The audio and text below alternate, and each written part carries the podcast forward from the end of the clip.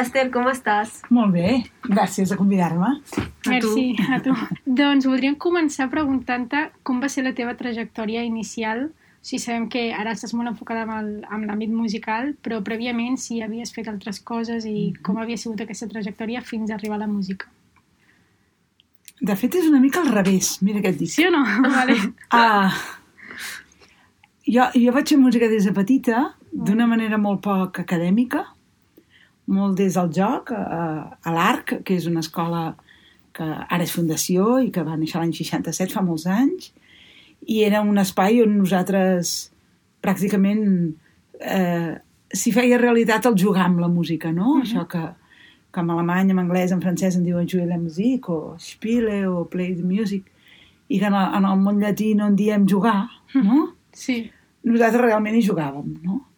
Jo després vaig fer una carrera científica i va haver-hi un moment a la meva vida que jo vaig decidir que em volia dedicar a l'educació, no a la música. Uh, sempre havia dirigit cors infantils, perquè jo havia cantat des de petita i d'una manera molt artesanal, després em vaig posar a dirigir i vaig començar a fer formacions, tant de direcció de cors eh, més aviat infantils o de veus iguals, i, però també de veus mixtes i també de pedagogia musical. En aquell moment no existia l'ESMUC ni cap superior aquí d'aquest estil de pedagogia musical. Sí que es feia alguna cosa de pedagogia musical al Bruc, però jo vaig passar molt poc, vaig, em vaig examinar molt poc al conservatori, sóc un, un bitxo raro a l'ESMUC, si voleu que la veritat.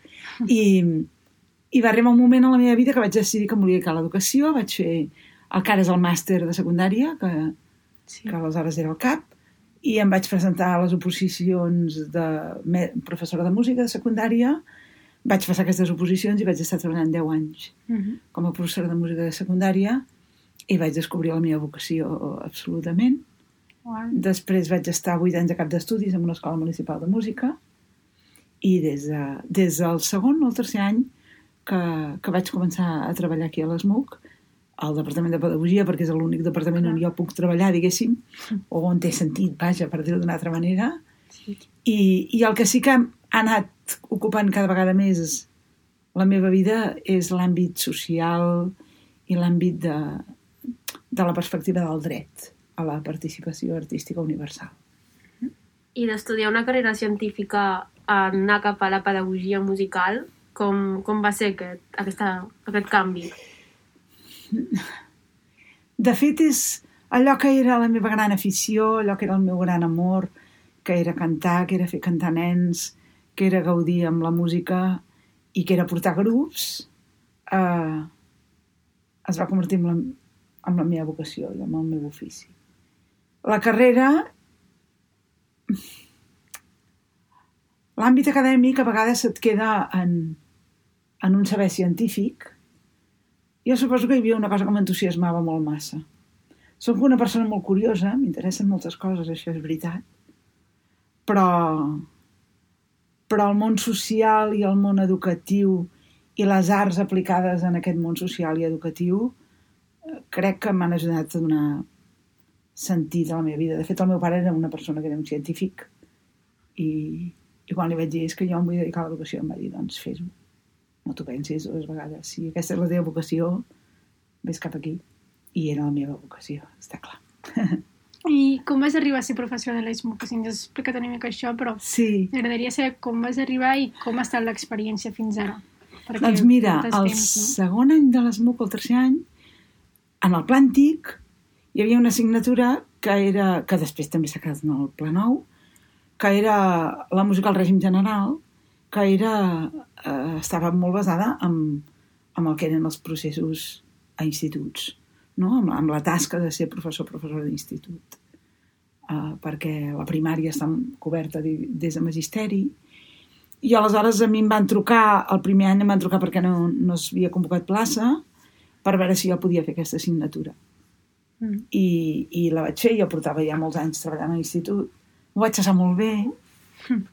Després em vaig presentar a les proves de l'assignatura quan es van convocar i no les vaig passar.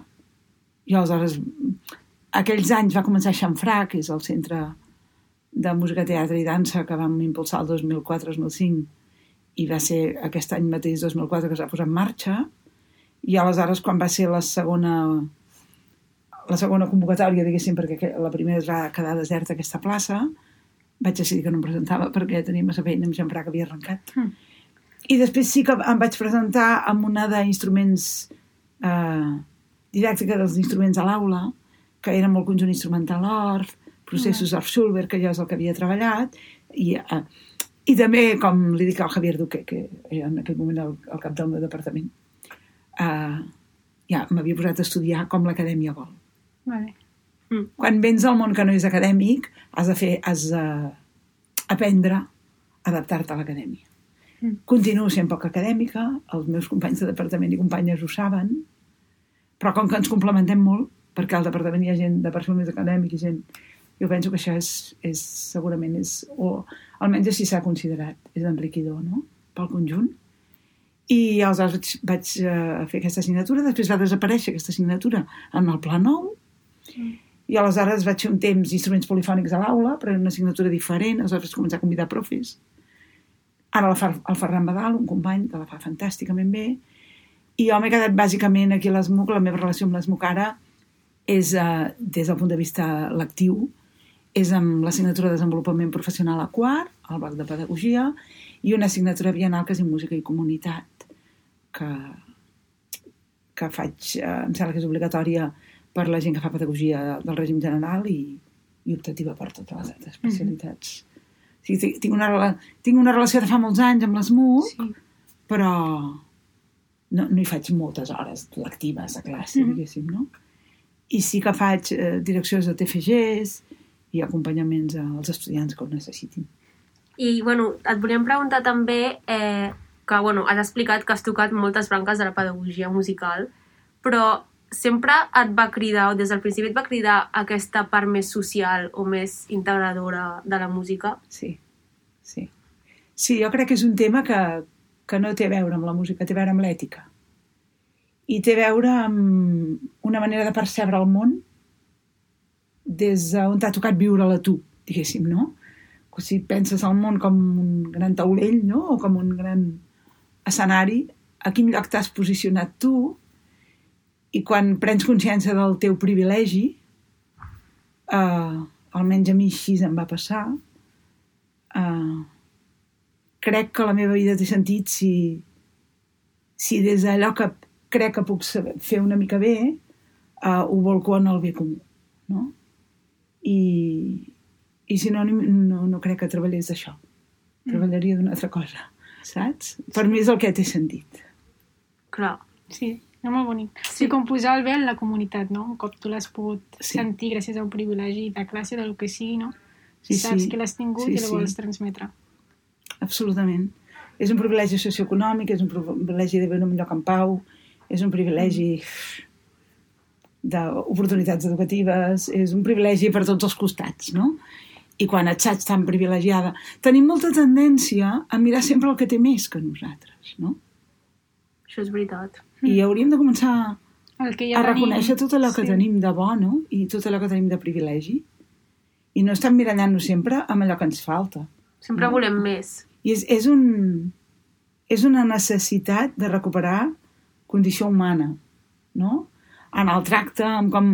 I ara amb la pandèmia això s'ha posat al damunt de la taula d'una manera espaterrant i realment jo penso que hem de fer una remirada tots plegats. Eh? Almenys jo ho intento. També sé que em moriré intentant-ho, diguéssim. No? Que, que això... Hi ha una pedagoga que a mi m'agrada molt i la vaig descobrir aquí a Barcelona, a la Bienal del Pensament, amb un diàleg amb la Marina Garcés, que m'agrada molt, que és la Gaia Trispivak. És una pedagoga ja molt gran de la Índia, Mm. però treballa a Colòmbia, als Estats Units. I va dir, amb, amb educació sembreu, confieu i no espereu èxits. I jo em vaig declarar sembradora. Mhm. Crec que és la feina que faig i, i la que m'agrada fer. I l'èxit o no... Ni l'èxit depèn de mi, per tant tampoc em penjaré la medalla, Mhm. ni el fracàs tampoc, almenys no del tot, no? Per tant, també fujo molt de les dicotomies. Què és èxit, què és Clar. fracàs, què, Mhm. Què és excel·lència, no? Tot parlem de Sí. l'excel·lència. És un dels principis d'aquesta Sí. escola. Mm. Val, molt bé, què entenem per excel·lència? Parlem del benestar. Què entenem per benestar? És tenir molts diners al banc, el Mm. benestar. És tenir tres cases i un iot. No sé, no sé què és el benestar. Jo crec que el benestar és que cada persona pugui fer-se amb les brigues de la seva vida. No? Mm -hmm. Des, de, des del seu ser. Per mi el benestar passa per aquí. Ara ens agradaria saber, eh, bueno, més que res que expliquis a la gent que potser vol entrar a fer pedagogia aquí a l'ESMUC, Mm -hmm. doncs què recomanaries per preparar-se a les proves d'accés?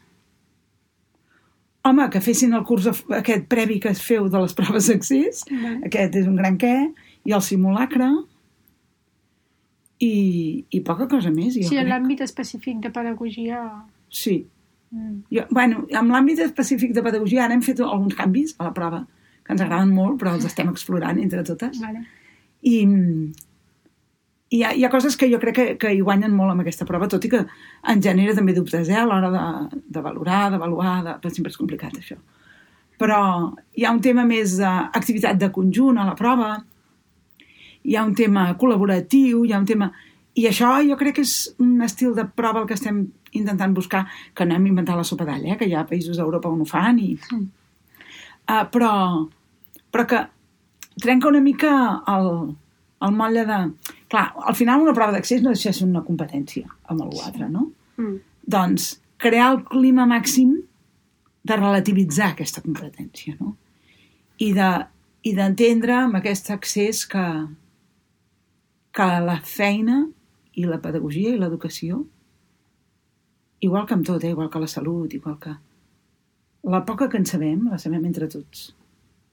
Per tant, eh, val la pena més eh,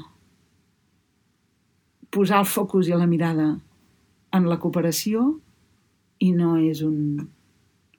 no són paraules buides, sinó i dur-ho a terme. I això vol dir que resistir-te amb el teu propi ego a vegades. Uh, I plantar-li cara, no? A vegades al teu propi egoisme i al teu propi ego. Mm -hmm. I entendre que, que aquesta cooperació i aquesta col·laboració és la que aporta el millor pels estudiants i per totes les persones que formen part de la comunitat educativa de l'ESMUC, no? És complicat això, eh? Perquè el món de la música és un món, el món de la música occidental, Mm. deixem-ho així, és un món molt competitiu. Sí. Ho ha estat. Sí, sí. Em, bueno, ara passem a parlar una mica del que estàs sobretot fent actualment Mm -hmm. i és que formes part de, del centre Xa- Xamfrà, que a nivell educatiu és un dels referents en quant a inclusió social, amb la pedagogia musical i altres arts. I, bueno, a més a més, aquest està situat al Raval, que és un dels barris de Barcelona amb més persones d'origen migratori i amb rendes més baixes. Llavors, ens agradaria que ens expliquessis una mica què suposa per tu eh, aquest projecte i per Barcelona en si i una mica la trajectòria d'aquest centre. Mm -hmm. Mireu, Xamfrà és, és... A nosaltres ens agrada dir que és un espai de trobada on, on ens hi trobem persones que, que vivim, practiquem i, i uh, experimentem amb les arts, uh, des de la música, des del teatre, des de la dansa, des dels audiovisuals, des de diferents mirades. Uh, és un centre que des del començament ha estat molt proactiu en mobilitzar que això és molt freinet, no? En mobilitzar eh, aquells col·lectius i aquelles persones que tradicionalment, per mil temes que tenen a veure amb processos d'exclusió, no han format part de les pràctiques artístiques continuades o quotidianes, no? Això no és gens evident ni és gens fàcil d'aconseguir, més enllà de l'entorn eh, escolar, quan entrem en el món de les escoles, no? que, sempre també entrem a dins de l'escola i treballem a dins i fora, i com sempre moltes altres entitats i escoles que ho fan, eh? Um, però si vols mm, anar arrelant... Hi ha coses d'aquest tipus que fem que, que tenen molt a veure amb això que us deia abans de la sembra, no? De, de sembrar i ser conscient que les teves accions per mobilitzar el personal, les teves accions per intentar que, que realment s'escolti la veu que, ten, que tenen aquestes persones. La, tot això forma part, no és un, un pla estratègic, sinó que és una estratègia adaptativa contínua al que passa a l'entorn. No? L'altre dia parlàvem amb l'equip de gestió, dèiem, quina diferència hi ha si jo treballo a l'ESMUC o treballo a Xamfrà entre treballar per o formar part de. Mhm. no? Xamfrà som molt tossudes i molt tossuts amb intentar formar part de. Nosaltres, les persones que venen...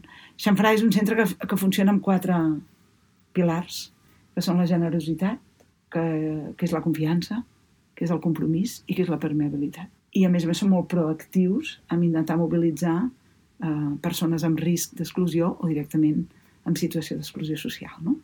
Aleshores, amb aquests quatre pilars intentem ser-ne conseqüents contínuament amb totes les accions, amb el treball que fem a dins dels propis aules i dels tallers, amb la relació amb l'entorn i que consti que he dit, ho intentem.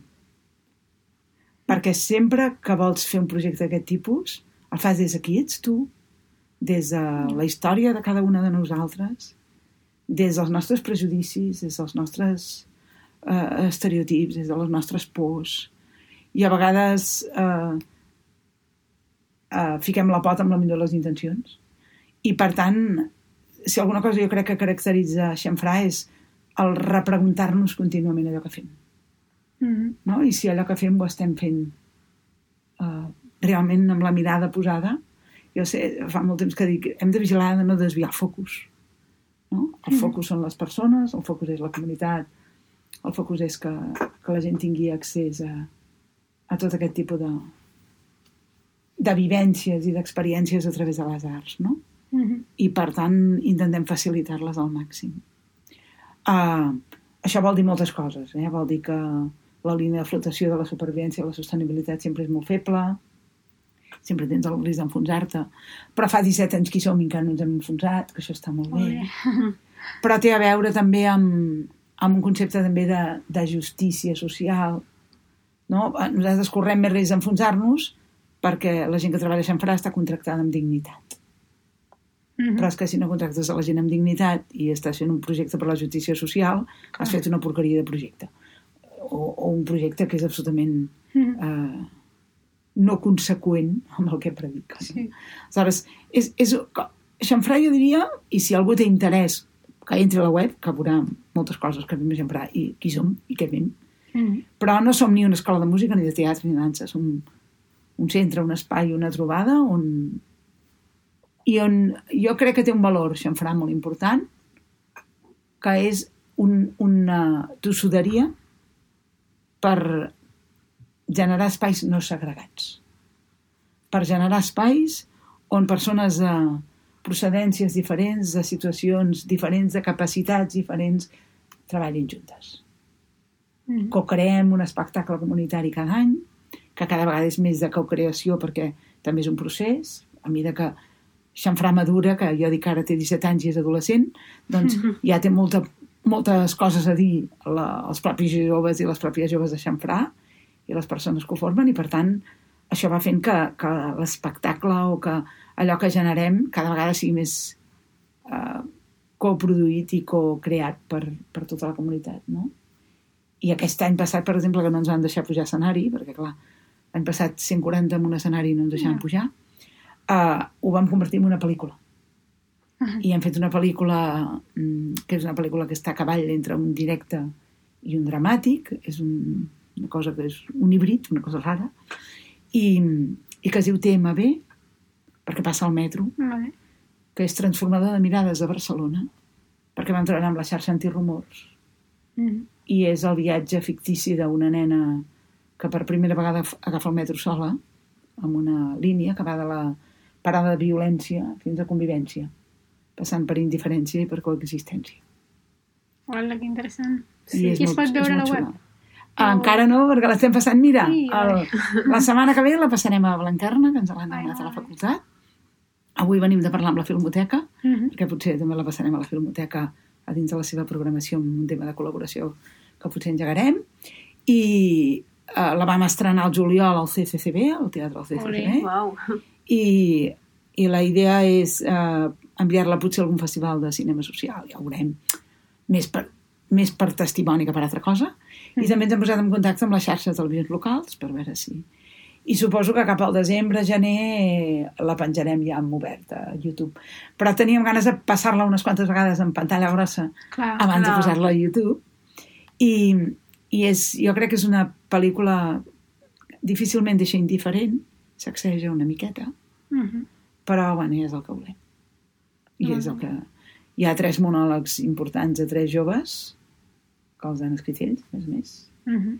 I després hi ha cançons, coreografies, arranjaments, cançons de, de creació pròpia i cançons, eh, arranjam, arranjaments de cantem del Drexler, el, la milonga del moro judío, o, o fem una adaptació de l'home de Cromagnon, la cançó Sí. francesa que va popularitzar la trinca, i nosaltres l'hem titulat L'Homo Salvator, i és Mhm. una cançó sobre el colonialisme i i l'home salvador. No? Sí, aquest arquetip. L'arquetip, exacte. Aleshores, bueno, és una mica tot aquest joc. I, I fa dos anys, quan vam poder fer espectacle, vam fer indòmites per, sobre la violència i la, i la discriminació de gènere. I sempre l'eix que treballem xamfrà és un eix socioeducatiu, reflexió comunitària. De... I al voltant d'aquí s'hi construeix la dramatúrgia, la dansa, el teatre. Vale, és com que s'afegeix, com... Sí, de fet és com una mena de trena. Vale. sí? però l'eix, el fil conductor eh, és un fil conductor que sempre és un, un missatge de tipus social, crític, no? Mhm. Quan parlem de que l'educació ha de despertar la mirada crítica i el pensament crític i el qüestionar-nos, doncs els espectacles de xamfrà són un qüestionament darrere un altre. Ara ens agradaria saber si, tal com has dit abans, eh, la idea que veus en, en tu mateixa, no sé si m'equivoco, em corregeixes, eh? Digues, digues. però com que estàs com sembrant una mica tot aquest canvi social i tal, però ens volíem saber si tens alguna història així d'aquestes que t'hagin commogut per explicar-nos a com ha anat, jo que sé, alguna cosa que hagueu fet a Xamfrà que dius, "Buah, m'agradaria compartir perquè es vegi que és que tot això és, està present i, i, i ojalà més gent ho sapigués, saps? Uf, hi ha moltes Clar, històries. sí, sí, sí, és, no moltes estic segura. històries. En aquest moment jo estic molt contenta ara perquè a través d'una fundació privada m'he aconseguit dues beques per dues joves de Xamfrà que, que estan estudiant al taller de músics, que fan el programa aquest del cos, que, que és com Sí. Aquest grau... De preparació per l'accés superior, sí, per l'accés, però no reglat i que és molt flexible, tot i que són rigorosos i tot, però, però que elles podien encaixar-hi, no? Perquè si no hi ha molts sostres i moltes parets de vidres per nanos que no han fet... Ja no per nanos eh, que tenen problemes eh, socioeconòmics o que tenen famílies de bagatge migratori o diferents que...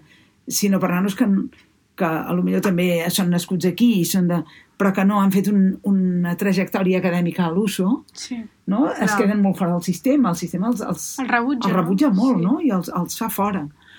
I això ens hem de replantejar, o sigui, hem de fer espais eh, de, de recuperació d'això des d'un altre lloc, no? Sí. Jo crec que ens hauríem de replantejar molt, molt, molt el món educatiu en general, com està plantejat, no? I l'acadèmia, també, eh? Ja sé que no està molt bé dir-ho aquí a l'ESMUC, però bueno. No, no, ens en... sí, sí, Sí, no, tothom crec diu diu de tot. la seva. Sí, sí. Crec que, crec que, que, que hi hauria d'haver... Mm, Però mentre no hi ha això, bueno, espais com Xanfrà, doncs jo penso que poden ajudar a, a generar oportunitats, no? Eh, justament l'any 2020, parlant de mèrits, Xamfrà va rebre el Premi Nacional de Cultura de la Generalitat. Com veu rebre aquest reconeixement en un any tan difícil? És a dir, teniu aquest reconeixement que us donen, però a la vegada heu de fer classes eh, i aplicar les diferents normatives i restriccions i veure les persones a casa seva tancades amb pocs recursos, tot això. Jo, al confinament, eh, a, X- a Xanfrà hi ha una cosa important. A Xanfrà ve gent sense recursos i gent amb recursos. Mm. Ve gent de tota mena. Val? I durant el confinament eh, vam haver de... De fet, no vam fer classe, vam, fèiem live fest i ens connectàvem. I sí que, i sí que es feien, feien trobades, trobades online, no? i tocaven junts, i no tant amb la idea de classe, però amb la idea d'anar-nos veient amb els nens i nenes. A partir de que ja es va acabar el confinament, nosaltres vam aprofitar que no som, no som res, no estem qualificats de res, per no tancar Vale. eh, amb mascareta i amb distància i vam demanar que van ser fantàstics els espais del CECIRE que és un centre de recursos i innovació educativa del Departament d'Educació que està a l'antiga escola Drassanes amb la seva directora Elisabet Aznar que és una dona extraordinària i que ens va obrir les portes del CECIRE per poder fer les classes allà, que són aules superventilades, i allò ha, ha, ha desencadenat una col·laboració amb el CECIRE molt més estreta, amb la qual seguim anant Ah. al CECIRE, Xamfrà ha crescut en aquest sentit Ah. perquè pot oferir més espais Mm. i ha sigut un, això ha sigut en positiu, diguéssim, no? Ha sigut un privilegi el, el poder-ho fer. I, el, i el, la pandèmia i tot plegat sí que ha fet que, per exemple, ara hàgim convocat unes quantes reunions i- que he repetit diverses vegades de famílies i que ara, a més a més, la gravaré i l'enviarem a les famílies que no han pogut venir, recordant molt què és i què no és xamfrà i tots aquests aspectes de, de, bueno, de no ser escola de música a l'uso que... I, i també, en certa manera, alertant a les famílies de dir nosaltres som una colla de bojos, compromesos, Mm. que estem aquí, ben dit, eh? Que estem aquí al capdavant d'aquesta història. Si porteu els vostres nens, heu de saber on els porteu. Mm. No, no fem educació, no fem instrucció, no fem informació sobre el món, sinó que fem artivisme per intentar canviar el món. Mhm. I si porteu els nens aquí, sentiran i, i faran i faran cançons i, uh, i tindran converses i que tindran un enfoc artivista. Sí? De fer ús de les arts per transformar. Mhm. I si portes el nen en un lloc així, has de saber on el portes. Mm. Clar. Doncs, bueno, per acabar, farem tres preguntes curtes que s'hauran de respondre el més ràpid possible. Molt bé. Vale, per començar, un disc que recomanaries? A veure, una música que a mi em captiva són les passions de Bach, Vale. completament. Un llibre, Un dels últims que he llegit, eh, que es diu Les formes verb anar, d'una escriptora alemanya. I finalment, una pregunta a fer-se un mateix? Uau.